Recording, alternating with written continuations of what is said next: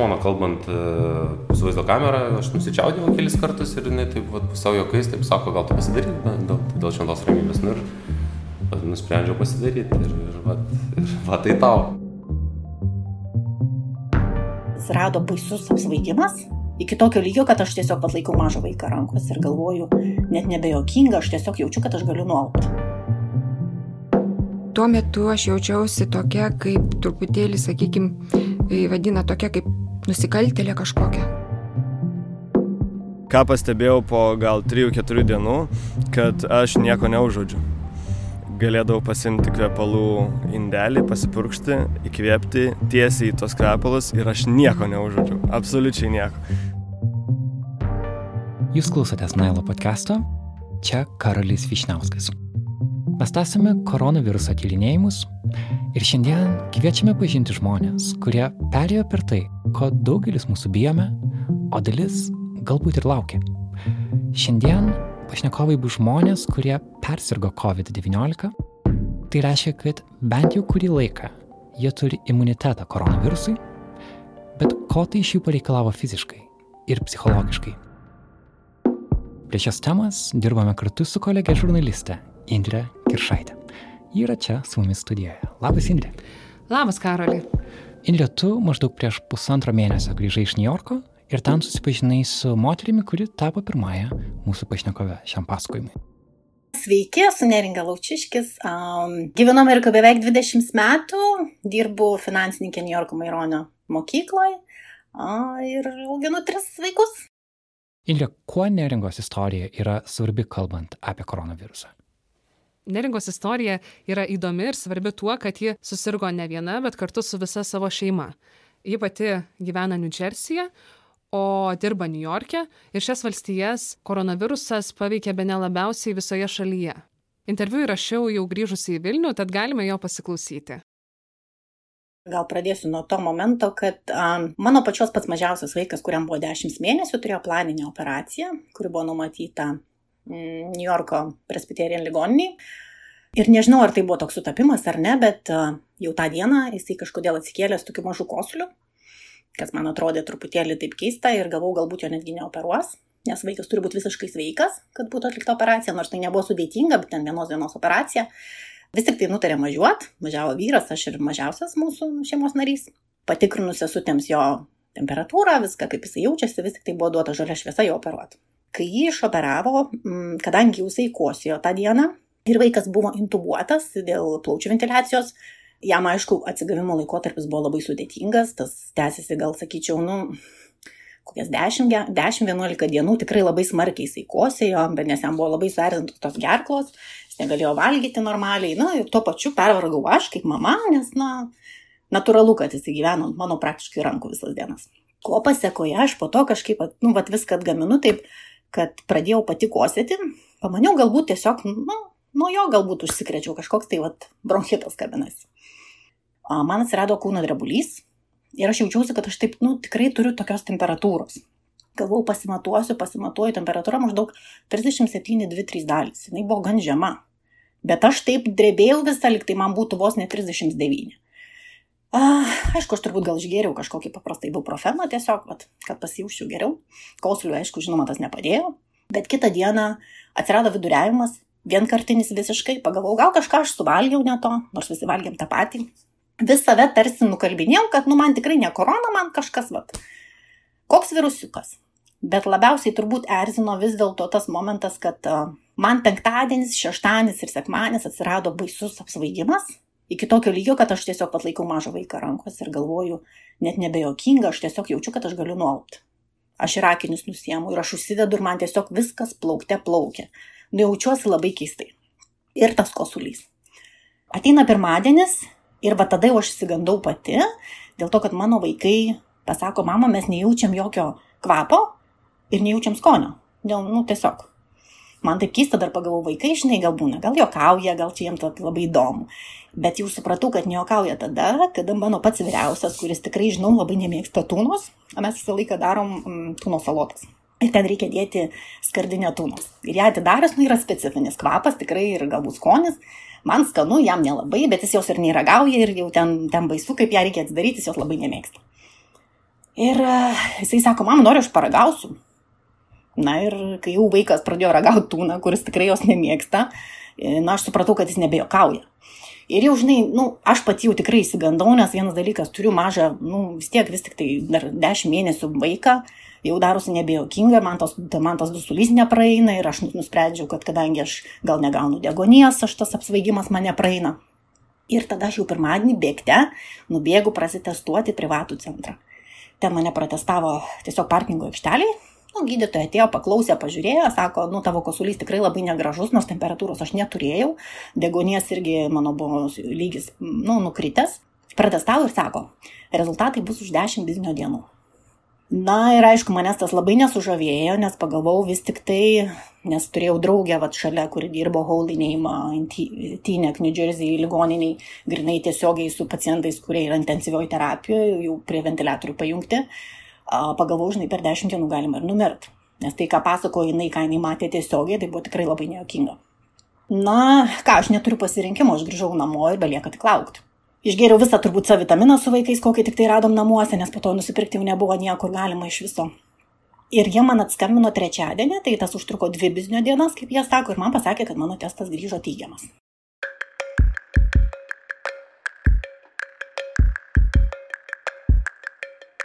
Jūs gana išsamei papasakojote apie tai, kaip pati jautėtės, gal galėtumėte pasakyti, kaip kiti šeimos nariai, kaip jūsų vyras, ar jis tik karščiavo, taip pat kaip ir vaikai, kaip pas mažiausiasis mano vyras, jam pakilo temperatūra, jisai jautė tokį silpnumą, bet jam nebuvo nei apsvaigimo ir atsimenus man sakė, kad jisai irgi skonio neturėjo. Sako, kažkaip įdomiai valgau, sako, kažkaip, čia tavo net ir kotletai, sako, kažkokie įdomus, nejaučiu, sako, nieko. Va taip. Ir Ir jam kaip ir viskas, jam temperatūra kaip ir nebekilo. Va toks vienas, nu, toks vienas buvo, va, nu, gal visą dieną jis prabuvo su temperatūra namie lovoj, ten jų arbatos ir visa kita, bet nieko daugiau absoliučiai ir va tas skonis dingo. Ir jam dingo tikrai ilgam. O vaikam, sakyčiau, to skonio, va kaip dingo pirmadienį, jie pradėjo jausti skonį gal penktadienį, šeštadienį, truputėlį jau sako, mama, jau liktai kažką jaučiu. Nu, jeigu vaikas į mailinį čipsą, kur jau ten tikrai mėgsta tokius dalykus nesveikus, kaip aš sakau, ir jis sako, vad nejaučiu, o jau jaučiu, nu tai aš supratau, kad jau matyti jau tas skonis grįžta. O mažiausias, matai, mažiausias, ką jis įsikalbėti nemoka, jis nepasakys, ir, bet aš kalbėjau su savo drauge, bet kuri tikrai dirbė, jinai medicinos seselė, bet jinai buvo tam to intensyviojo terapijoje, jinai sako, aš tau garantuoju, jisai tikrai serga arba jau persirgo. Ir jisai sako, turi tokį stiprų, reiškia, imunitetą, sako, kad jisai nei, nu, nei nepajuto gal net. O kas ten žino, kaip iš tikrųjų buvo. Ta tik tai sužinom jau po to vėliau, kaip, uh, nes aš vis tiek pasitikrinau. Aš, kadangi vat, visas tas kovas, nu tai visą kovą mes namie ir balandį dar namie, tai aš kažkur tai gegužės mėnesį tik tai nuvedžiau jį pas pediatrę, jau tam, nu, eiliniai apžiūrai, kuriem priklauso. Tai jinai man pati pasiūlė, sako, nors aš jums padarysiu tą, tą antikūnių testą. Ir man krauja, bet man, mums darė iš kraujo, iš venos, tai ir, ir man, ir aš vaiką kitą dar nusivežiau, mums padarė tos, tos tyrimus ir mūsų visi grįžo, kad mes turim visus visi antikūnius. O vyrą, tarp kitko, patikrino dar vėliau po to. Darbė jau irgi tikrino, jis irgi turi antikūnius. Tai vat, vadinasi, mes visi absoliučiai persirgom. Kaip atrodė visas sirgymo laikotarpis?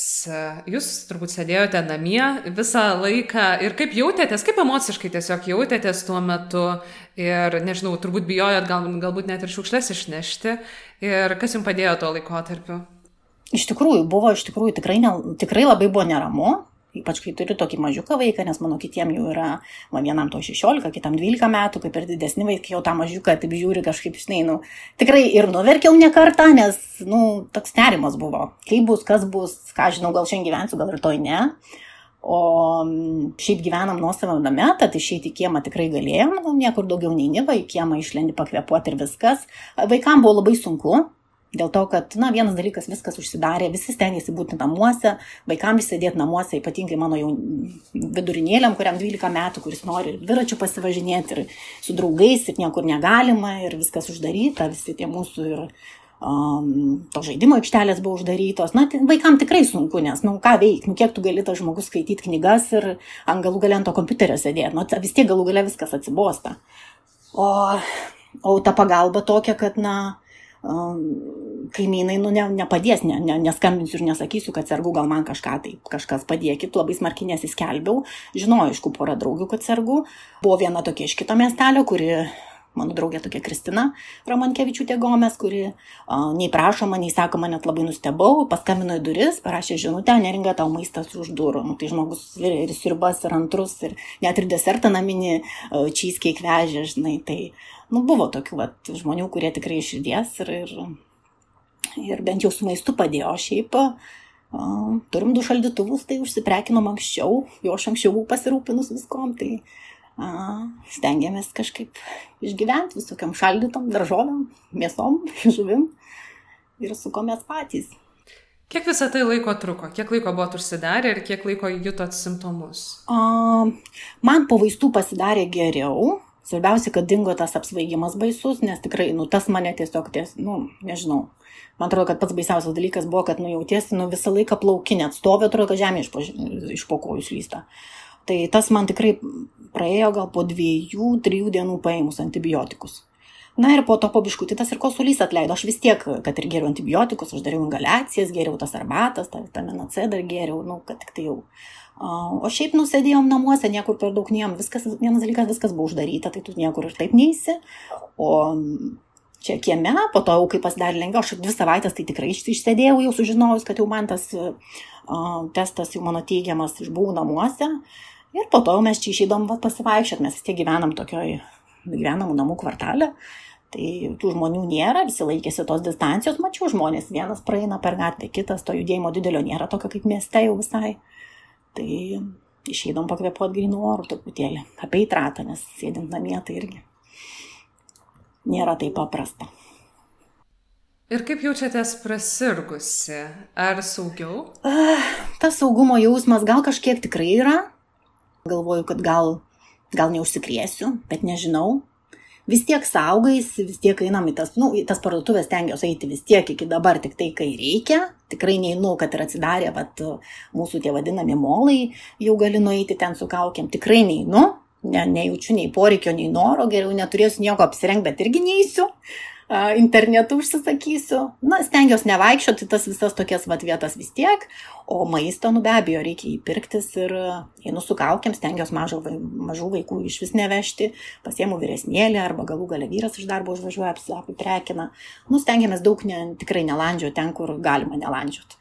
O šiaip į lauką išeinam, vaikai irgi bendrauja, važinėjasi dviračiais tai kaip ir viskas gerai.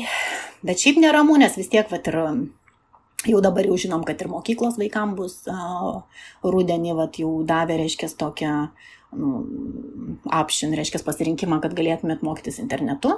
Bus dalis, kas nori grįžti į mokyklas, kas nenori grįžti. Na, sudėtinga iš tikrųjų, nežinau, nes manau, kad per vaikus tas virusas irgi labai greitai paplis, o baisiausias yra momentas tas, kad kaip ir pasakė, kad, na, vaikai gal jie ir persiks, gal lengviau, dar irgi žmonės nežino, bet užkrės gali tiesiog, žinai, vyresnio amžiaus tėvus, senelius. Ir manau, kad jeigu ir vienas vaikas susirgs, iš karto mokyklas vėl uždarys visiškai. Tai, na, nežinau, gal kažkiek kenties ir mokslai vaikų. Mane asmeniškai ta mintis tikrai nelabai žavi, kad sėdėti reikės mokintis, žinai, internetu. Bet, na, yra kaip yra, nelabai čia mes daug pasirinksim, ką bus matyti.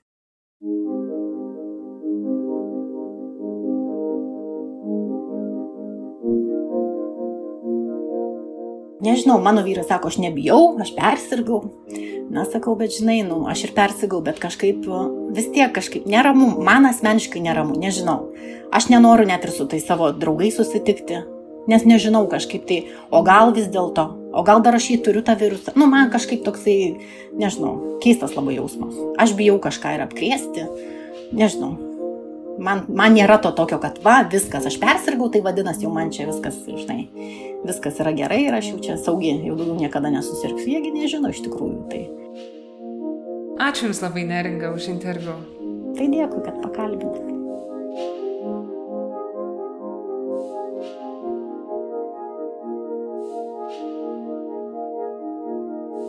Taigi nors neringa ir visa jo šeima persirgo koronavirusu be didesnių komplikacijų, ji pati ir toliau stipriai saugojasi ir stengiasi išvengti viešų vietų.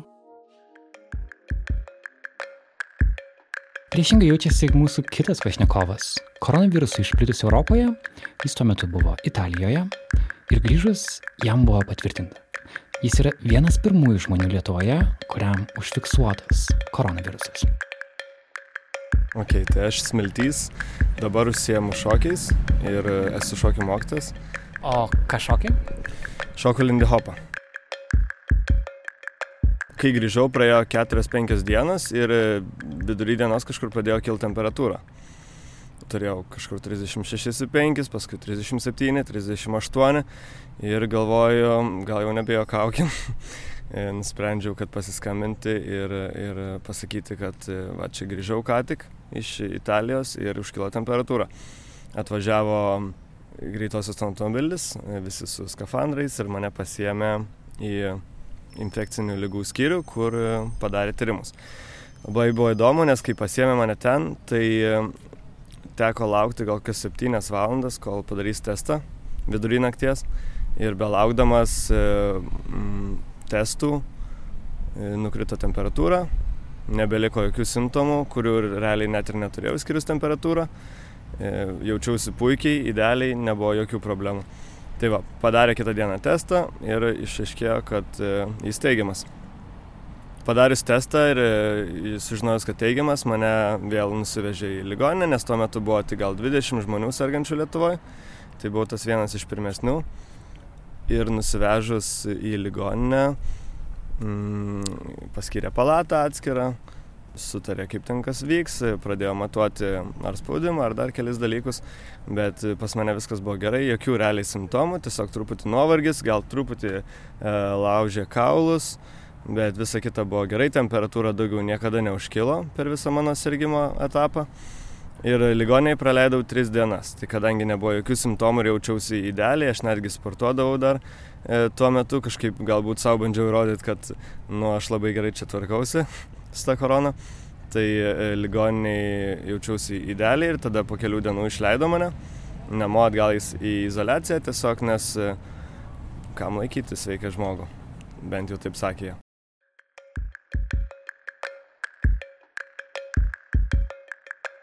Kam laikyti sveiką žmogų ligoninėje? Iš ties. Bet kaip aiškėjo vėliau, smiltys nebuvo visiškai sveikas. Koronavirusas padarė savo. Ką pastebėjau po gal 3-4 dienų, kad aš nieko neužodžiu. Ir tai buvo turbūt įdomiausias dalykas nutikęs mano gyvenime, nes galėdavau pasimti kvepalų indelį, pasipurkšti, įkvėpti tiesiai į tos kvepalus ir aš nieko neužodžiu, absoliučiai nieko. Tai man kaip turinčiam gan neblogą uoslę, bent jau prieš koroną, buvo tiesiog neįtikėtina, kaip aš galiu nieko neužuosti. Ir tada jau pradėjau viską testuoti. Tai pasiemi ryžių pakelį, pasiemi, nežinau, ten švarius kalbinius, pasiemi atsidarai šalituvą, tai nieko neužuodžiu. Tai buvo neįtikėtina, bet skonis ir visa kita mm, išliko intakt, visiškai be problemų. Tai va čia buvo tokie pagrindiniai simptomai. Sukosiau gal kokius 3-5 kartus per tas visas keturias savaitės, tai čia nieko nebuvo, slogos irgi nelabai buvo. Mm, tai va, tiesiog kas pagrindė man jautėsi ir ko buvo skirtumas nuo kitų virusų ar kažkokių didesnių sirgymų, ką turės anksčiau, tai tiesiog didelis nuovargis. Ir anksčiau galbūt tu sergi ir jaučiasi, kad turi temperatūros, tu blogai jautiesi, nori tik lovai gulėti, bet tu nejauti, kad kūnas kažkaip aktyviai kovoja. O čia buvo toks jausmas, kad tu tikrai išvargintas esi ir kad lemba kažkas kitaip negu kad įprastai. Tai šitas kvapo nejutimas, kiek laiko jis laikėsi? Labai įdomu, nes jis prasidėjo, nežinau kada tiksliai, tikriausiai apie savaitę, gal savaitę su pusę po mano susirgymo bet jis tęsiasi bent jau tris mėnesius. Ir kai aš jau buvau senai išsveikęs, domėjausi, kad ta uoslė atsistato tik tais po truputį, ypač žmonėm, kurie turi problemų su sinusitu, tai reiškia, kad tavo nosies ertmės kažkiek užsikimšusios yra natūraliai. Tai tiem, kam e, nėra natūraliai atvira ir kur greitai tie simptomai nedingsta, tai uoslė gali atsistatyti gan, gan lietai. Tai kai kuriam net iki metų ar, iki, ar nuo pusės metų ir daugiau. Man atsistatė per kažkur 3-4 mėnesius, e, tai apie gegužę, man atrodo, susirgau vasaris, kovas, kova. Tai kovas, balandis, gegužė, gegužės gale aš jau pradėjau jausti karį ir visokius prieskonius, e, galbūt kavą. Ir paskui jau pradėjo greičiau atsistatinėti viskas, nes tu tiesiog kuo daugiau odi, tuo, man atrodo, mm, tavo smegenys ir uoslės receptoriai pradeda gauti viską aplink. Tai tu valgai maistą ir tu realiai neužuodi jo skonį. Man atrodo, kad tu atsimeni pagal skonį, tu atsimeni kvapą ir kažkaip tavo smegenys automatiškai užpildo tos e, juodus e, tarpus tarp, tarp to, ką tu žinai, ką tu atsimeni ir ko tu dabar nejauti, bet įsivaizduoji. Ir kaip atrodo tada, aš bandau suprasti, kaip atrodo gyvenimas nieko neužuodžiant? E, labai toks paprastas, bet tu turi būti visą laiką labai um, turi labai būti pastabus e, aplinkai ir kažkaip atkreipti dėmesį į, pavyzdžiui, šalituvę esančius produktus ir jų galiojimo laiką. arba kad atsidaryti kambarį iš, išvedinti, žinai, arba, mm, nežinau, nu, aišku, tu niekur neini pradžioj, bent jau kai karantinėsi, tai kažkaip tų problemų jokių nėra. Bet vis tiek turi kažkaip e, visą laiką nežinau, sekti viską, kas aplinkui yra. Bet, e, bet tai yra, man atrodo, pats mažiausias iš jutiminių mm, dalykų pavadinkim ir netekus kokios nors e, regos arba netgi skonio receptorių, tai žymiai, žymiai sunkesnis dalykas. O uoslės netekus, tai manau, kad galim gyventi drąsiai. Tai po kiek laiko paaiškėjo, kad tu nebesirgai, kad tu persirgai, tu nuolatos turėjai darytis naujus testus, kuris vieną kartą atėjo neigiamas atsakymas, jeigu teisingai suprantu. E, buvo taip, kad e, praėjo gal kokios keturias savaitės po to, kai aš e, pradėjau sirgti ir pagerėjo savijauta, pasijaučiau tikrai toks mm, ale sveikstantis. Ir pakalbėjęs su daktarė, mm, nusprendžiau, kad reikia pasidaryti testą ir pabandyti. Mm, išsikviečiau greitąją, nes kitaip testai nebuvo daromi tuo metu. Ir atvažiavo manęs paimti, padarė testą ir pasirodo, kad jis buvo vis dar teigiamas. Tai buvo labai, labai toks liūdnas reikalas, galbūt emociškai, psichologiškai, nes tu jau nusteikęs, tu jau sveikas, tu jau kažkaip pasiruošęs pagaliau išeiti iš to 10 kvadratinių metrų. Ir tuomet tau pasako, kad kitas testas gali būti tik už dviejų savaičių. Tai reikėjo dar dvi savaitės pralaukti, bet po tų dviejų savaičių jau Mm, gavau neigiamą testą ir išėjau į Vingio parką pasivaikščioti. Dvi valandas. tai buvo labai geras pasivaikščiojimas.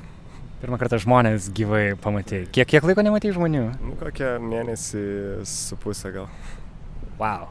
Ir šokti negalėjai visą laiką. Ir šokti negalėjau ir kažkokių pokalbių turėti negalėjau, aš labai mėgstu kalbėtis ir bendrauti su žmonėm, tai man buvo toks e, gan sunkus dalykas. Aišku, dabar yra socialiniai tinklai, e, video skambučiai, bet tai visiškai ne tas pats, kas gyvai kalbėti. Tai mano draugai geriausiai būdavo arba tie gydytojai, arba testuotojai, arba valto darbuotojai. tu tai sugeneravai daug e, pajamų iš to maisto išvežiojimo į kompanijos. Aš manau, kad mes buvom pagrindiniai tie sergantis, pagrindiniai išlaikytojai buvom. Bet tai žiūrėk, um, norint kažkokią išvadą padaryti iš tavo istorijos, e, kada virusas tik atsirado, atrodė, kad velnės, kad jeigu tu susirgi ir, žinai, nėra vaisto nuo viruso, vadinasi, kad tu praktiškai esi vos ne rizikos zonai, kad tu gali tiesiog susirgti ir numirti, taip atrodė, ar ne, kad, e, kad reikia žūt būti nesusirgti. Dabar atrodo, kad tavo atveju, na gerai, tu turėjai pabūti izoliuotas, taip, tu nejutėjai e, kvapo kurį laiką, tai nėra malonu, bet dabar tu sėdi priešais mane ir tu jautiesi visiškai sveikas. Tai galbūt išvada ta, kad jeigu tu iš principo esi, nežinau, neturi kažkokių papildomų lygų, jeigu tu daugmaž turi sveiką organizmą, tai galbūt viruso nereikia tiek daug bijoti, nes iš esmės daug šansų, kad tu persirksi be didesnių simptomų. Kokią tu išvadą pats pasidarai? Aš manau, kad bijoti tikrai nereikia. Ir aš pats, e, tiesą pasakius, nebijau to viruso. Man tiesiog e, yra svarbu atkreipti dėmesį, kad ne, mes ne visi esam neriziko zonoje ir jauni ir pilni jėgų. Tai e, galbūt ta baime ir kažkokia ne tai, kad pagarba, bet sveikas ir teisingas požiūris į virusą ir nešiojimą ir visą tai yra ne dėl mūsų pačių, bet dėl ap aplinkinių. Tai mes, kaip mums atsitiks, aš kažkaip dėl savęs niekada per daug nesijaudinu ir netgi šitas virusas man buvo tiesiog kažkokia įdomesnė, įdomesnė kelionė, e, kurią praėjau ir actually pasimokiau nemažai iš to. Mm, bet e, tai, kaip mes žiūrim kitų atžvilgių, tai man atrodo, mm, liečia labai daug žmonių ir, ir keičia, keičia požiūrį ne tik mūsų, bet ir aplinkinių, kaip mes, kaip mes rodom pavyzdį. Ok, paskutinis klausimas. E, ką dabar reiškia tas faktas, kad tu esi persirgęs? Ar tai reiškia, kad tu esi virusui nepa, nepasiekiamas šiuo metu, kad tu turi imunitetą bent jau kažkuriam laikui. Mokslininkai tarsi nėra dar prie išvados, kiek laiko imunitetas e, realiai e, laikosi, bet kažkiek laiko jis tikrai laikosi. Tai kaip tu dabar tu jautiesi? Ar tu gali, ar tu jautiesi, kad, aha, va čia mes esam dauguma šitam parke, kur dabar kalbamės, daug šitų žmonių nėra persirgę, o tu esi, kad tu esi perėjęs ir tam tikrą prasme, žinai, stipresnis kažkuo. Ar tu jautiesi tu, ar tu jautiesi saugesnis? Aš tai žinai, labai labai gerai jaučiuosi iš tikrųjų, labai jokinga, bet e, prieš susirgant e, visą laiką buvo tas kabantis, e, kabantis klausimas, ar tu susirgsi, ar tu um, sutiksi tą kontaktą, ar tu užsikrėsi, kaip tau bus, kaip bus aplinkinė. E, bet visa ta dviejonė ir tas nuolatinis mąstymas, kuris tau e, šalia tavo bet kokios veiklos buvo, korona, korona, korona. dabar, dabar jo visiškai nėra. Tai aš neatsimenu, kada paskutinį kartą galvojau apie tai. Žinau, kad mano organizme, bent jau pagal tyrimus, labai daug antikūnių. Tai, tai reiškia, kad antikūniai yra tie, kurie jau buvo susidūrę su virusu ir kovoja su juo. Tai Mm, tai reiškia, kad aš kaip ir turiu imunitetą bent jau pagal kas, kiek skaičiau tas imunitetas e, apie metus, bent jau kai kuriais tyrimais galėtų būti. Tai aš esu ganėtinai ramus ir visiems sakau, kad jeigu norite susitikti, aš man atrodo esu vienintelis žmogus, kuris, su kuriuo tikrai saugu susitikti ir kuris neužkrės. E, nes tie tyrimai daryti ne vieną ar ne du kartus buvo mm, ir kažkaip esu gana užtikrintas tuo. O kitiem aplinkui, nežinau, manau, kad e, per daug neveikia tai, kad aš buvau sergantis tuo virusu. Ačiū, Smiltai. Ačiū labai. Šioje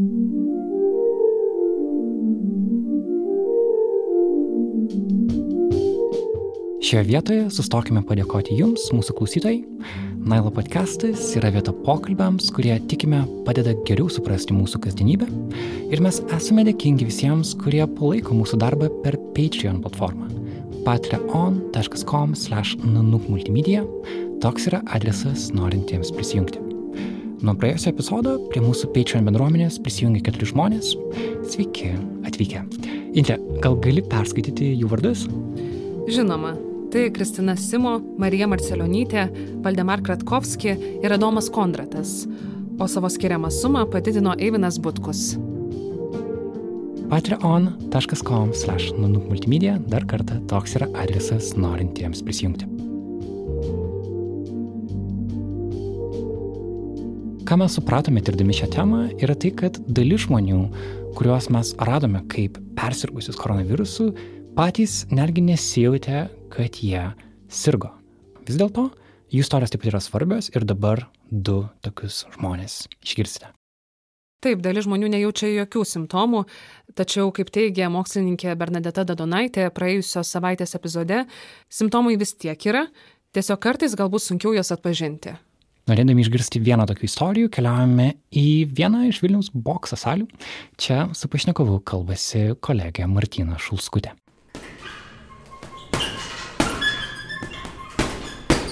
Aš esu Tadas Tamašauskas, esu boksininkas, e, olimpinės rinktinės narys.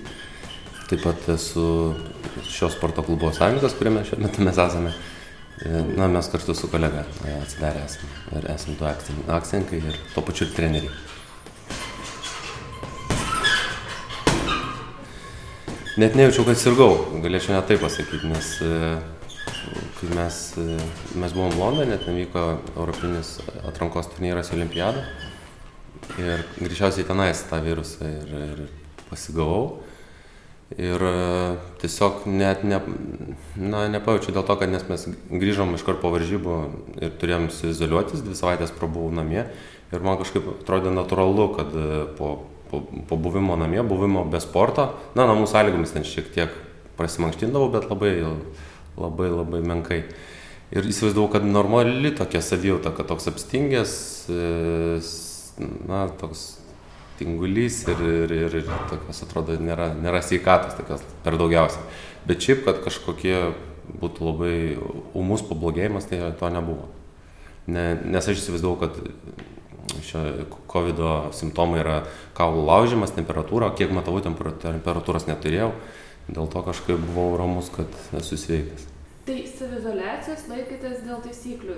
Taip, jo, mes su, su mano treneriu ir su mano kolega, apie kurį minėjau, kartu buvom e, toje atrankoje ir kartu grįžom. Ir mano, mano namuose kartu ir savizoliavomės, nes e, mano žmona pasuošvis gyveno, mhm. jau, jau kai buvom išvykę į stovyklas ir į turnyrą, o, o, o, o mano, mano partneris, sakysim, na, jo šeima atskirai gyveno. Ir mano būtas buvo laisvas, tai mes tam būtė ir dvi savaitės ir praleidom. O tai kaip galiausiai sužinojot, kad vis dėlto turite virusą? Tai e, pasibaigus savizolacijai, e, žmona norėjo susigražinti namo ir tiesiog, na, dėl šventos ramybės, taip sakant, pasiriau. Aš dariausi, mano partneris net nesidarė, nes jis, e, aš, aš turėjau slogą iš tikrųjų, prisipažinsiu, aš, na, bet tą slogą aš ilgą laiką turėjau. Ir kažkaip, ai, dar su žmona kalbant, vaizdo, su vaizdo kamera, aš nusičiaudėjau kelis kartus ir jinai taip vat, savo jokais, taip sako, gal tu pasidaryk dėl, dėl šventos ramybės. Nu, ir nusprendžiau pasidaryti ir, ir, vat, ir va tai tau. Aišku, labai ilgai laukiau dar atsakymą, iš tikrųjų pasidariau testą ir laukiau gal keturias dienas, man atrodo, ar penktą dieną tik tai sužinojau savo, savo tą atsakymą. Ir kažkaip vat, buvo neramu ir ten ir žmona ir į, į visuomenės sveikatos centrą skambino, kodėl taip ilgai, nėra atsakymo. Ir vat kaip tik man tada vakare paskambino, sako, mes čia skambiname iš greitosios pagalbos, jūs turbūt žinot, sako, jūsų testas yra teigiamas, ko ne, nežinau. Ir, ir tada sako, laukit namuose, atvažiuosiu jūsų paimti iš greitosios pagalbos, išsamesniem tyrimam. Na ir sulaukiau tos greitosios pagalbos, aišku, labai ilgai laukiau, ta logistika pamenu, pamenu, kad šiek tiek buvo pastrigus, na, nežinau, galbūt apkrova buvo labai didelė, bet jie žadėjo per porą valandų atvažiuoti manęs pasimti, jie atvažiavo naktį, ten berots antrą valandą nakties, tik tai, o buvo 9 vakaro. Jie turėjo 11 atvažiuoti, atvažiavo apie antrą nakties. Atvažiavo, pasiemė tada mane, padarė tos tyrimus, e, plaučių renginą, kraują bero atsėmė iš vienos jo ir, na, komplikacijų žodžiu jokių nebuvo, mane išleido namo, savizuliuotis toliau. Koks buvo jausmas, kokios mintis tada, kai pasakė, kad jūsų rezultatas testo yra teigiamas ir jūs tą COVID turit? Labai nustebau, nes tikrai, kaip ir minėjau, ne, nesitikėjau, kad sergu, nes jaučiausi gerai. Na ir aš kažkaip e, visą laiką buvau ganėtinai ramus, nes kiek buvau girdėjęs, kad e, ta lyga yra pavojinga vyresnio amžiaus žmonėms arba turintiems lėtinių lygų. Na, aš kadangi esu sportininkas, na, dėl to atmečiau tą didžiausią riziką ir, ir netgi ir žmonai sakiau, kai jie labai nerimavo iš tikrųjų, kai mes važiavom į Angliją, jau, jau kai išvažinėjom berods kovo pradžioje mes važiavom, jau ta situacija buvo ganėtinai įtempta. Na ir aš jai sakau, kad kas maksimum, kas gali būti, tai tiesiog reikės izoliuotis, reikės, na, prasirgsiu ir, ir, ir viskas. Ir, na, net tikrai ne, nemanau, kad turėtų mane įveiktas virusas. Na taip ir buvo galiausiai vis tiek, bet ir, ir teko izoliuotis, ir reikėjo. Na, kas, kas man skaudžiausiai buvo, tai tiesiog reikėjo dar ilgą laiką būti be šeimos, nes aš išvažiavau tenais stovyklos, varžybos, tada dvi saviizoliacijos viena po kitos na, ir susidėjo nemažas laiko tarpas. Bet bendravom, bendravom per kamerą, buvau netgi, e, kai, kai važiavau daryti tos imobiliuosius punktus testo, tai būdamas mieste dar nuvažiuodavau iki Ošvį, ten per langą pasimojuoti su dukrelė, su žmona. Tai bent jau taip, kad galėdavau pa, pa, pasi, pa, pasibendrauti, pamatyti. Tai viso tris, tris kartus realiai. Ai, jo, tris kartus dariau testą, du kartus buvo, kai teigiamas atsakymas. Ne, vieną kartą buvo teigiamas, du kartus neigiamas. Tai vad, kiek kartų važiavau darytis testą, visą laiką užsukdavau pas uošius, pasimojuoti per langą.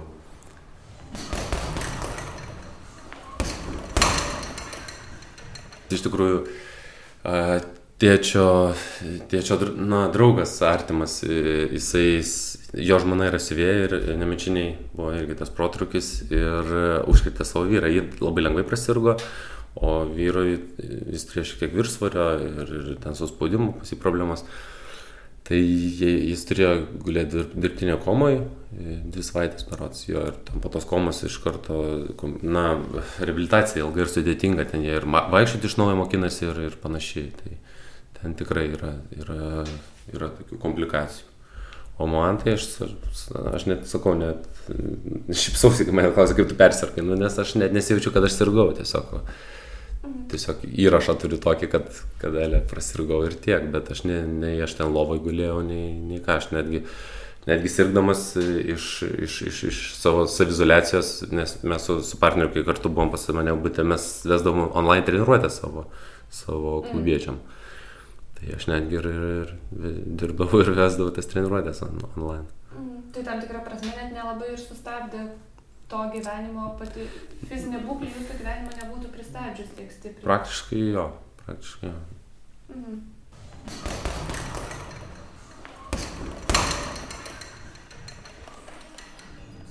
Šiek tiek pasikeitė mūsų tvarka, mes dabar, na, galbūt pastebėt, visur turim to dezinfekcinio skyščio ir, ir viršuje yra bateliukai ir, ir čia pačioje galima dezinfekuoti rankas. Taip pat, na, mūsų toks sportas, žmonės pirmą kartą atėję, atėję dažniausiai neįsigyja bokso pirštinių, jie ateina be pirštinių ir mes dažnai turėdavom savo, na, taip, na savo nuo savo pirštinių, kurias skolinam klientam. Tačiau, na, jos bendro naudojimo ir tų pirštinių dabar teko atsisakyti, kadangi dėl hygienos dabar na, tapo itin aktualu. Realiai ir taip e, nėra labai malonu dėti rankai piršinę, kurią jau tam prieš tai matavosi ten 10 žmonių ir su jom prakaitavo, sportavo. Tai dabar tas tapo itin aktualu ir mes tų pirštinių tiesiog atsisakėm ir žmonės atėjo pirmus kartus tiesiog sportuoja be pirštinių, bet e, mes juos skubinam įsigyti savo nuosavas pirštinės ir, ir džiaugtis jomis. O tuomet e, kaip sportininko karjerą karjerą, ar kaip čia pasakyti, patį tą e, visą procesą sportavimo ir varžybų, tai irgi turbūt keičia apskritai bendrą situaciją. Taip, e, jo labiau, kad atšaukė pačią olimpiadą, kuriai mes čia ruošiamės, e, dėl kurios e, patikimo, na, kovojom patik, dėl patikimo į olimpiadą ir pati olimpiada galiausiai atšaukta, jinai nukelta metams į priekį. O mūsų ta, ta europinė atranka, jinai buvo sustabdyta po trijų dienų, kai jinai turėjo vykti, jinai neklistų dešimt dienų, jinai po trijų dienų buvo sustabdyta, apskritai nutraukta. Ir buvo labai keista, iš tikrųjų sakau, nes e, jau ir, ir žmona labai pergino, kai mane siuntė į tą, na, kai, kai turėjau išvykti tą atranką. Ir, nes matėm, kad situacija yra įtempta, visi sporto renginiai buvo stabdomi ir mes pabuvom stovykloje Šefildė ir tada važiavome į Londoną į atranką ir tuo metu jau tikrai jau visi renginiai buvo sustabdyti, išskyrus mūsų atranką ir Baltarusijoje vyko futbolo nacionalinis čempionatas, bet atrodo, kur Baltarusija, kur Anglija ir, ir kodėl Anglai dar leidžia, leidžia tos renginius. Na ir kažkaip atrodo atsikeli ryte ir galvoja, ar gal jau bus, nu, gal bus nutraukta, gal bus sustabdyta, kaip čia, kaip čia bus, ar vyksta atranka, nevyks, na ir va toks, tokia nežinomybė šiek tiek išmušė iš vėžių. Na ir galiausiai jo, jie vis tik tai nusprendė sustabdyti atranką, bet gaila, aš jau spėjau pralaimėti. Aš e, pirmą, pirmą kovą, man atrodo, jo, pirmą kovą pralašiau ir, ir mano ta atranka pasibaigė. Ir tada labai atsimenu, skubėjom grįžti namo, kad e, spėtume, na, nes ten ir skrydžius atšaukinėjo ir, ir tikrai ta situacija buvo tokia ne, neįlinė. Mhm. Dėl to skubėjom kuo greičiau parsirasti namo. Pas šeimą, o paaiškėjo, kad dar, kad dar negalima, jo. O tai kaip galvojat, pažiūrėjau, kad ir tas paskutinis pralaimėjimas, ar galėtų būti dėl to, kad jau sirgot ir blogiau jautėtės? Aš nesusijėjau niekada šiaip iš tikrųjų apie tai net nepagalvojau. Ne, nežinau. Šiaip nemanau, nežinau. Aš jaučiausi gerai, sakysim, jaučiausi kaip visada gerai, bet tiesiog man gal tas priešininkas buvo labai neparankus. Na, ir galbūt kitą kartą aš prieš jį laimėčiau, nes kova buvo labai lygiai. Ir e, iš tikrųjų pačią kovą ten nulėmė ringo teisėjas, kuris skyrė man e, pastabą paskutiniam raundė ir tuo pačiu, tuo pačiu atimdamas iš manęs du taškus, realiai toj situacijai tikrai taip neturėjo pasielgti. Na, mano gilių įsitikinimus taip neturėjo pasielgti. Na, bet buvo kaip buvo ir tiesiog dabar reikia ruoštis, treniruotis ir laukti sekančios atrankos, nes dar turėsiu galimybę pakovoti dėl to.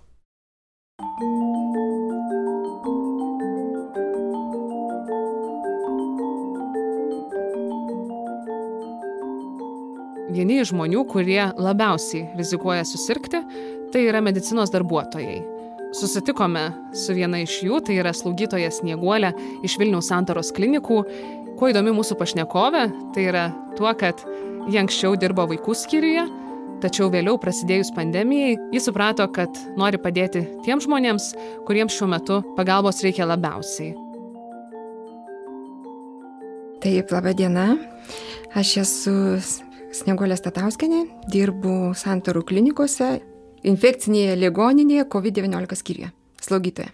Tai jūs esate tas žmogus, kuris uh, su COVID pacientais pastaruosius mėnesius. Taip, aš jau daug laiko praleidžiu. Penki mėnesiai, kada praleidžiu tik su tais pacientais, kurie serga COVID-19. Ir kiek tų žmonių yra ligoninėje? Šiuo metu yra truputėlį mažiau, o tuo metu kovas, balandis, gegužė buvo jų labai daug. 50-40 virš. Dabar turime kažkur tai 12, gal 14. Mm. Bet jie yra visi tikrai labai sunkus ir visiems reikalinga ypatinga slauga. Ir kaip jūs uh, pati sužinot, kad jūs uh, irgi užsikrėtėt?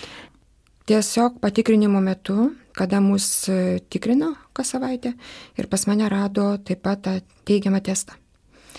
Be abejo, tai buvo šokas, nes aš visada jaučiausi gerai. Ir žinoma, didžiulė laimė, kad persirgau be jokių simptomų. Tiesiog, tiesiog buvau namuose.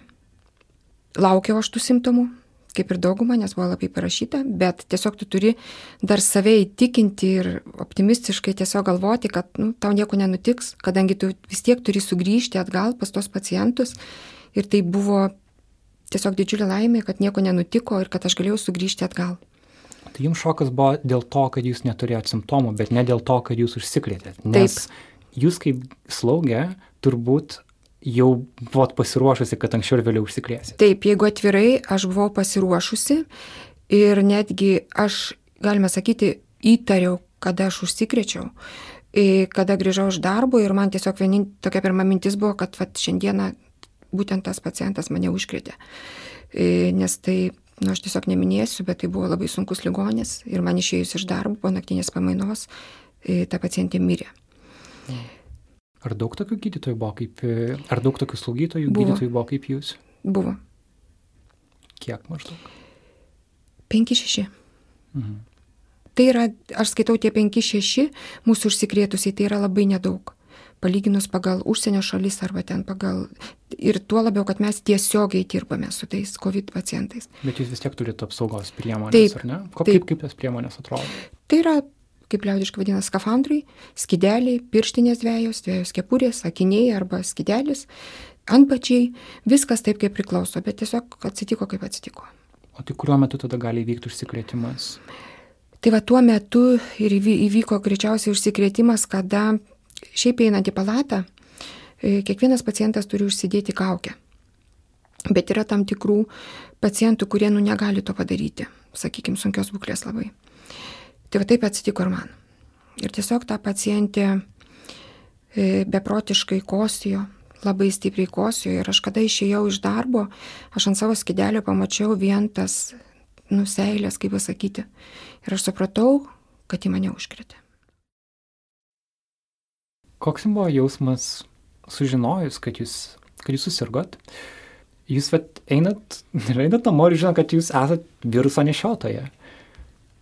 Ar jūs kažkaip stengiatės žudbūt išvengti bet kokio kontakto su kitu žmogum? Kas yra sudėtinga? Kaip jūs, pavyzdžiui, nežinau, gaudavot maistą per tas dvi savaitės namuose? Kokius apsaugos priemonės jūs e, pasirinkot, kad jūs neužkrėstumėt nieko kito ir koks jausmas pačiai būti viruso nešiotoje. Tuo metu aš jaučiausi tokia, kaip truputėlį, sakykime, vadina tokia kaip nusikaltelė kažkokia. Galėčiau sakyti, kad tai toks, o, o kaip sakiau, e, viskam aš buvau pasiruošusi. Tiek maistu, tiek viskam, nes aš kai pradėjau dirbti, aš taip ir galvojau, kad taip gali atsitikti. Jūs užsipirkote. Taip, visko turėjau pilną šaldytuvą tikrai ir, ir aš per tas dvi savaitės nieko nesuvalgiau. Tiesiog knygas skaičiau, sportavau namuose, daug valiausi viską ir, o kad kitų kontaktų jokių absoliučiai neturėjau į parduotuvės ir prieš tai vaikščiau labai retai, tiesiog iki tos infekcinės visada važinėjau su automobiliu tai nieko tikrai e, nei galėjau kažko sutikti, nei kažką. Tiesiog atvažiuodavau prie netoli infekcinės, pastatydavau mašiną ir palei tą tvorą, kur ten, kad nieko nesutiktum, eidavau ten pasidaryti to tyrimo. Ir tikrai nieko nesutikdavau ir, ir buvau visiškai rami, kad aš negaliu kažko užkrėsti e, arba kažkam tai padaryti blogo. Po tų tyrimų taip pat į automobilį ir namo. Ir viskas. Kaimynų per tą laiką taip pat nebuvau nei vieno sutikusi. Kas savaitę aš važiavau į infekcinių lygų kliniką pasidaryti testo ir po dviejų su pusę savaičių buvo tik tai neigiami tie testai, nes turi būti du neigiami testai. Ir tai aš skaitau ilgokai, nes, nu, kada nieko nejauti ir tu jautiesi visiškai sveikas, tai kažkaip nenori tikėti, kad tu, tau diagnozuota ta lyga. Bet e, palyginus su kitom mano kolegiam, tai, nu, aš pirmą, va, taip trumpai, taip greitai sugrįžau į darbą. Mhm. Ir ką dabar tai reiškia, kad jūs turite imunitetą? Taip, padarė kraujo tyrimus, turiu imunitetą, jaučiuosi gerai, kaip ir jaučiausi. Ta prasme, kažkokiu pokyčiu nieko nejaučiau ir taip turiu imunitetą. Dabar. Ir kiek laiko jis Niekas nežino. galios? Niekas nežino. Kiek žinau, vokiečiai ten tyrimus atlieka nuo pat pirmų pacientų. Tai kas persirgęs, tai nu, kiek jau ten šeštas mėno, kur jie turi tą imunitetą. Bet negaliu pasakyti, tiesiog nu, bus atliekami tyrimai ir, ir matysis. tai, kad jūs esate be, kad jūs prasirgote be simptomų, kodėl taip įvyko, kaip manote? Tai vadinasi, kad jūsų organizmas yra pakankamai stiprus, kad susidorot su virusu taip, kad jūs to net nepajaustumėt. Ar tai, ar jums tiesiog pasisekė, nuo ko tai priklauso? Aš manau, kad mano imunitetas yra labai stiprus, nes aš, kaip minė- minėjau, dirbau vaikų ligoninėje 34 metus, LOR skyriuje. Tenai tos infekcijos būdavo labai labai daug, tai tiesiog aš ir ten nesirgdavau. Tai aš manau, kad čia tik imunitetas toks vat, dėkingas. Ir iš tų žmonių, kurie, su kuriais jūs susidūrėte, kurie susirgo COVID, ar daug jų buvo be simptomų? Iš aplinkui pažįstamų, ne, praktiškai visi su simptomais. O tie, kur guli skyriuje, be abejo, jie visi su simptomais. Mm. Nes kitokio atveju. Kitokia jie atveju jie nepapuls. Taip. Supratau. Tai jums da, tam tikrą prasme pasisekė, galima Aš manau, kad sakyt. pasisekė. Mm. Taip. Ar jūs gavote atlyginimą už tą laiką? E, už tą laiką atlyginimo aš negavau. E, kaip sirgau, aš gavau tik tai iš sodros, ten kaip ir priklauso nedarbingumą tą. Ir viskas už, tais atlygi, už tai, kad tu susirgai, niekas atlyginimo nemoka. Nors esate rizikos, e, Taip. kaip čia, Taip. Pa, pa, jūsų darbas tarsi Padidintos automatiškai, rizikos e, ir nulemia, kad y- jūs- ypač pavojingų užkrečiamusiomis lygomis dirbant. Ar lygiai taip pat yra ir tiems e, kitiems darbuotojams, su kuriais jūs, tarkim, turėjote kontaktą? Nes vis tiek, jeigu susirga kažkoks medicinos darbuotojas, tai nemaža dalis kitų darbuotojų turi išeiti į savizolaciją, nes jie turėjo kontaktą. Tai aš irgi buvau girdėjusi apie tai, kad e, savizolacijos metu irgi nemoka atlyginimų. Ar tai tiesa? E, Tai tiesa, savizolacijos metu irgi nemoka atlyginimo. E, Kiek ten žinau, sodros 60 procentų, man atrodo, tik tai. E, Pas mus, tai, kaip pasakyti, mes, kad ir turėjome, bet pavyzdžiui, aš susirgau ten keletą kitų, kad ir turėjome kontaktą, mes vieni kitų užkrėsti negalėjome, todėl kad mes su apsaugos priemonėmis ir ten kažkur tai nueini persirengti ar pavalgyti, mes eidavom po vieną. Ir tiesiog nebuvo kažkokio artimo, kad su žmogum sėdėtum ar kažką, ir taip tikrai nebuvo. Tai, o taip, taip, taip, tai yra tokie įstatymai, jeigu tu susirgai, tau tik tai sodra moka. Bet tu susirgai neperšalimu, Taip. net ten eidamas tave neperputė. Taip. Tu susirgai savo darbą dirbdamas ir tu savizoliuojasi dėl to, kad apsaugotum kitus ir kad neplatintum lygos. Taip, Ir- savizolacijoje medikai, kiek žinau, tikrai 60 procentų tik tai, nes pažįstamų turiu e, iš sodros. Ta, tai, yra, tai yra labai maži pinigai. Kaip keista, nes yra dabar sukurtas tas e, toks pasididžiavimas gydytojais, jie vadinami herojais.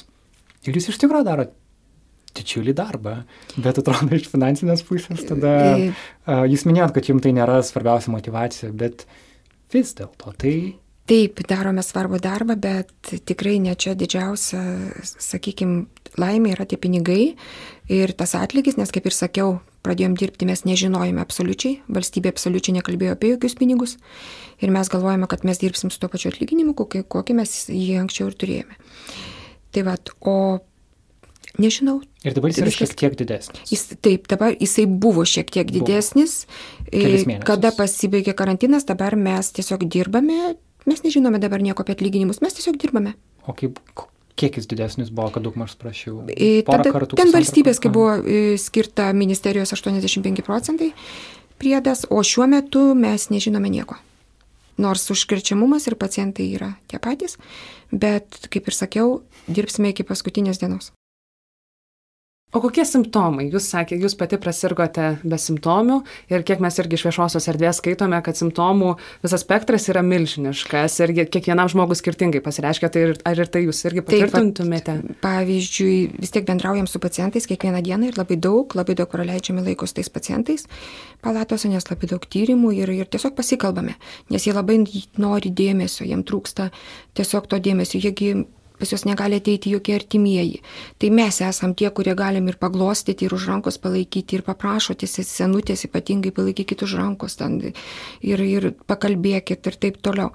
Tai simptomai yra labai įvairių simptomų, pradedant pavyzdžiui vieniems temperatūra, galvos stiprus kosmai, raumenų labai stiprus kosmai, pykinimas, viduriavimas, vėmimas, svaigimas galvos, uoslės ir skonio praradimas. Nu labai daug, labai daug tikrai. Ir žmonės, kai kurie pacientai tikrai, jie guli leisgyviai ir tikrai sunkiai atsistato labai. O ten kokių tų naujų dar simptomų, įvairiai žinokit, sako, įvairiai pasakoja, bet pagrindiniai tai yra šitie simptomai. Kaip jūs pati jaučiatės kaip žmogus, būdama ten, ką tik sakėte, kad e, tai ne tik gydimas, bet tai kartu ir psichologinis palaikymas už rankos ir taip toliau. Kaip jūs pati viduje jaučiatės, Suprant, būdama ten? Taip, aš jaučiuosi labai gerai, e, nes kadangi esu pradirbusi vaikų ligoniai, tai norėjau kažkaip daugiau adrenalino ir iššūkių. Tai pati pirma pasisiūliau tenai nueiti dirbti. Žinoma, pati pirma ir papuoliau. Tai buvo kovo 14 diena, kada mane iškvietė iš namų. Aš net nebejodama atsikėliau iš lovos ir išvažiavau. Ir po šiai dienai aš ten dirbu ir man ten labai gera. Man gera tiesiog padėti tiem žmonėms ir pažiūrėti, matyti, kaip jie sveiksta. Tie pacientai manęs taip pat labai laukia. Taip pat kolektyvas, labai nuostabus kolektyvas. Tai tiesiog aš esu labai patenkinta. Aš, aš ten jauč, jaučiuosi geriau negu namuose. Tartų pacientų, nu, aš nemoku paaiškinti tą tokį, tiesiog lauki, kada reikia į darbą ir, ir eini kaip ant sparnų. Tai va tas yra didžiausias dalykas, kada tu myli savo darbą ir atiduodi visas jėgas, negalvoji apie kas po darbo bus, ar, ar kažkas tai ten tavęs laukia, ar dar kažkas. Tiesiog tu galvoji tik tai apie tai, kad tu rasi darbę ir kad tave pasitiks su šypsenom, žmonės laimingi matydami, kad tu atėjai. Aš vis grįžtu prie to momento, kad e, jūs matėte, kaip viena iš pacienčių e, mirė, kad ten nepavyko kad virusas laimėjo prieš ją. Ir man įdomu, kaip, kaip tu su tuo susitvarkai, nes jūs atsiranda gan artimas ryšys su pacientais, jūs praleidžiate daug laiko kartu. Um, kaip jūs su tuo susitvarkot? Kaip visas kolektyvas susitvarko, kai žmogus numiršta? Suprantat, tuo metu atrodo, kad tu matai tą pacientą, bendrauji ir, ir pavyzdžiui, po darbo išėjai palikai visiškai nieko, ryte atėjęs jau neberandi, tai sukrečia kažkiek, bet stengiamės nuvyti mintis ir turime dirbti toliau. Tai buvo tokių momentų, kada grįžus namo, aš galvojau apie tos pacientus, apie tos žmonės, kaip aš bendravau su jais, kaip aš kalbėjau su jais, kaip aš už rankos jiems laikiau. Ir staiga jų nebeliko bet tiesiog turėjai į priekį ir nustengiasi negalvoti. Ir kartais gali būti ir kalties jausmas, ar ne, kad tu ne iki galo galėjai padėti, kad tu gal kažko nepadarei, kad galėjai padaryti. Nu, negaliu pasakyti, kad kalties jausmas, bet toks, nu, atrodo, kodėl. Tiesiog galvoju, o kodėl, o kaip taip gali būti, o kodėl.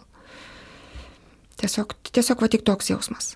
O šiaip mes tikrai padarome viską, kas kas tik įmanoma ir kas, e, kas yra gydytojų paskirta ir tikrai visus vienodai pacientus ir mylime, ir žiūrime, ir slaugome.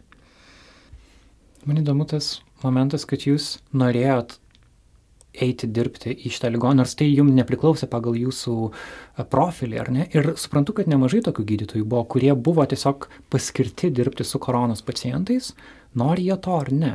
Jūsų atveju norėjot. Kodėl Taip, jūs norėjote? Aš labai norėjau, todėl kad e, e, galbūt jau, žinot, toks laiko tarpas su vaikais, e, tiesiog atsibodo, norėjau kažką keisti ir tiesiog likimas davė va šitą šansą. Bet tai yra rizika. Jūs galite susirgti lygą, kuri techniškai neturi jokio vaisto. šiuo metu. Žinokit, nieko apie tai negalvojau ir nieko nebijojau. Ir kitas galbūt, kitas slaugytojas ir kitas galbūt e, dirbdami tokiam skyriuje persirgė, galbūt ir negrįžtų atgal. O aš tiesiog man net minčių nebuvo. Ir tikrai dirbsiu iki paskutinės dienos, iki paskutinio paciento. Tiesiog tokia esu. Labai gera girdėti viską, ką jūs pasakojate. Ir kažkaip iš karto jautiesi saugiau. Tiesiog kaip žmogus. Taip, tikrai nutiktų. nebijokite ir, ir Gerai. mes visas jėgas ir sveikatą tikrai atiduodame pacientams iš viso širdies. Ir jie yra svarbiausia. Bet ar jum, jūs gaunat daromą paramą taip pat? Jūsų dabar darbo valandos turbūt padidėjo, lyginant su to, kas buvo ligoninėje vaikų. Taip, e, pradžioje kovas, balandis, kaip minėjau, gegužė buvo labai sunkus, tiesiog neskaičiavome valandų ir sveikatos ir jėgų. Kovo mėnesį aplamai būdavo, e, tu guli lovoje ir to paskambina, kad ar gali skubiai atvažiuoti į darbą. Tiesiog lieki, persirengi ir lieki. Po to jau pradėjo tie grafikai, taip, dirbame labai daug ir dabar dirbame daug, po 12 valandų. Pati koronaviruso laikotarpiu buvau New York'e ir mačiau, kaip žmonės tikrai stipriai saugojasi, nes tikrai situacija ten buvo labai sudėtinga. Ir pati grįžau prieš mėnesį į Lietuvą ir nemažai mano draugų grįžo iš kitų šalių. Ir čia atvykus atrodo, kad galbūt koronaviruso net Lietuvoje nebuvo, taip, jeigu žvelgtume visuomenėje. Nes retai kada pamatysi žmogus su apsauginė kaukė ir panašiai. Tai kaip Jūs matote šitą situaciją ir koks būtų adekvatus e, reagavimas į tai, nes žinoma, kad mums nereikia turbūt tiek saugotis, kiek kitose šalyse, kur yra daug daugiau atvejų ir mirčių kiekvieną dieną e, daugybė įvyksta, bet iš kitos pusės galbūt ir nereikia prisižaisti. Gerai, kol kas dabar yra mažai naujų atvejų. Kaip elgtis? Klausimas, kaip Aš elgtis? manau, kad tai priklauso nuo kiekvieno žmogaus ir kiekvienas žmogus turėtų save saugoti. Ir ar tai parduotuvėje, ar tai transporte, yp- ypač turbūt viešajame transporte, kada mes nežinom plamai, kas ten važinėja, e, parduotuvėse. e, Nesaugu ypatingai, aš skaitau, tai priklauso nuo kiekvieno žmogaus, kaip tu saugojasi. Ir aš taip pat nematau, kaip jūs sakot, su kaukėmis. Ypatingai e, man keista, kad vyresni žmonės, jie vaikšto labai atsipalaidavę ir, ir jie tiesiog nesisaugo. O serga pagrindė, tai vyresni žmonės sunkiai serga. Tai manau, kiekvienas žmogus turi suprasti, kad arba, arba. Arba saugojos, arba, nu, niekas negalvoja be abejo, niekas negalvoja ir nemasto, kad susirgs. Turbūt. Visi galvoja, manęs nepalies. Bet e, aš manau, kad e, turėtų būti tos kaukės bent jau viešajame transporte arba tokiuose susibūrimų vietose, kažkur tai ar parduotuvėse. E, Nesvarbu, kad pas mus mažai tų atvejų. Ir matot, kad įvežtiniai prasideda pagrindė, dabar žmonės daug atostogauti išvažiuoja, ne, Bulgarija, ten taip toliau ir taip toliau. Į kitas šalis atidaromos kai kurios sienos, bet e, aš manau, kad greitai vėl viskas prasidės iš naujo. Ačiū Jums, Snieguolė. Ačiū, ačiū Jums. Ačiū labai įdomu.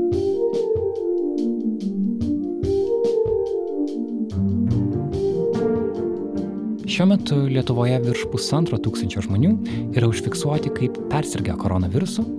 Šiandien išgirdome dalies jų istorijas. Ne vienam iš mūsų pašnekovų neprireikė didesnės medikų pagalbos, tačiau yra dalis žmonių, kuriems jos tikrai reikia. Dalis žmonių yra intensyvios terapijos skyriuose, kuriame dirba ir mūsų pašnekovės Nieguolė. Ir galų galę nereikia pamiršti, kad šiuo metu Lietuvoje užfiksuota 80 mirčių nuo koronaviruso. Tad jeigu mūsų šitie interviu, kuriuos šiandien dalinomės, jie atrodo kartais tokie atsipalaidavę pakankamai, ar ne, kad, na, atrodo su laiminga pabaiga, kas vienok tave truputį nuima tą įtampą, kur yra ore dėl koronaviruso. Nereikia pamiršti, kad saugotis reikia. Ir jau nuo šiandien, kada mes paleidžiame savo pasakojimą, Lietuvoje vėl paskelbta privalomas kaukių dėvėjimas uždarose vietose. Tad jeigu kurį laiką atrodė, kad viskas buvo nurimę, dabar vėl banga po truputį kyla. Toks mūsų epizodas šiandien. Ačiū mūsų pašnekovams, taip pat ačiū Nacionaliniai Martino Mažvydo bibliotekai, kurioje šiuo metu esame ir įrašinėjame savo balsus, ir taip pat čia dirbančiai garso režisieriai Katai Bitoft. Mūsų muzikos kompozitorius yra Martinas Gailius, o už pagalbą rengiant epizodą dėkojame Beatričiai Pankauskaitį. Primenu, kad Nailo podcastą išlaiko patys klausytojai. Kviečiame prisijungti adresu patreon.com slash nanuk multimedia. Mūsų 100 dolerių per mėnesį patronai yra Blossom Wood Foundation, o mūsų mecenatai yra naujienlaiškių kūrimo platforma MailerLite. Nailo podcast'o rusiškoje versijoje šiuo metu daug kalbame apie Baltarusiją. Mūsų kolegos Ina Šilina ir Artūras Morozovas neseniai grįžo iš Minsko ir Astravo. Tad labai rekomenduojama paklausyti jų medžiagą iš ten. Ir taip pat ruošiame vieną medžiagą iš ten ir lietuvių kalba. Tad Baltarusija artėja rinkimai, domimės tuo ir skatiname domėtis jis. O šiandien ačiū uždėmesį koronaviruso temai. Aš esu Karolis Višniauskas. O aš Indrė Kiršaitė. Nailo podcastą kuria žurnalistų kolektyvas Nanuk. Iki kito karto. Iki.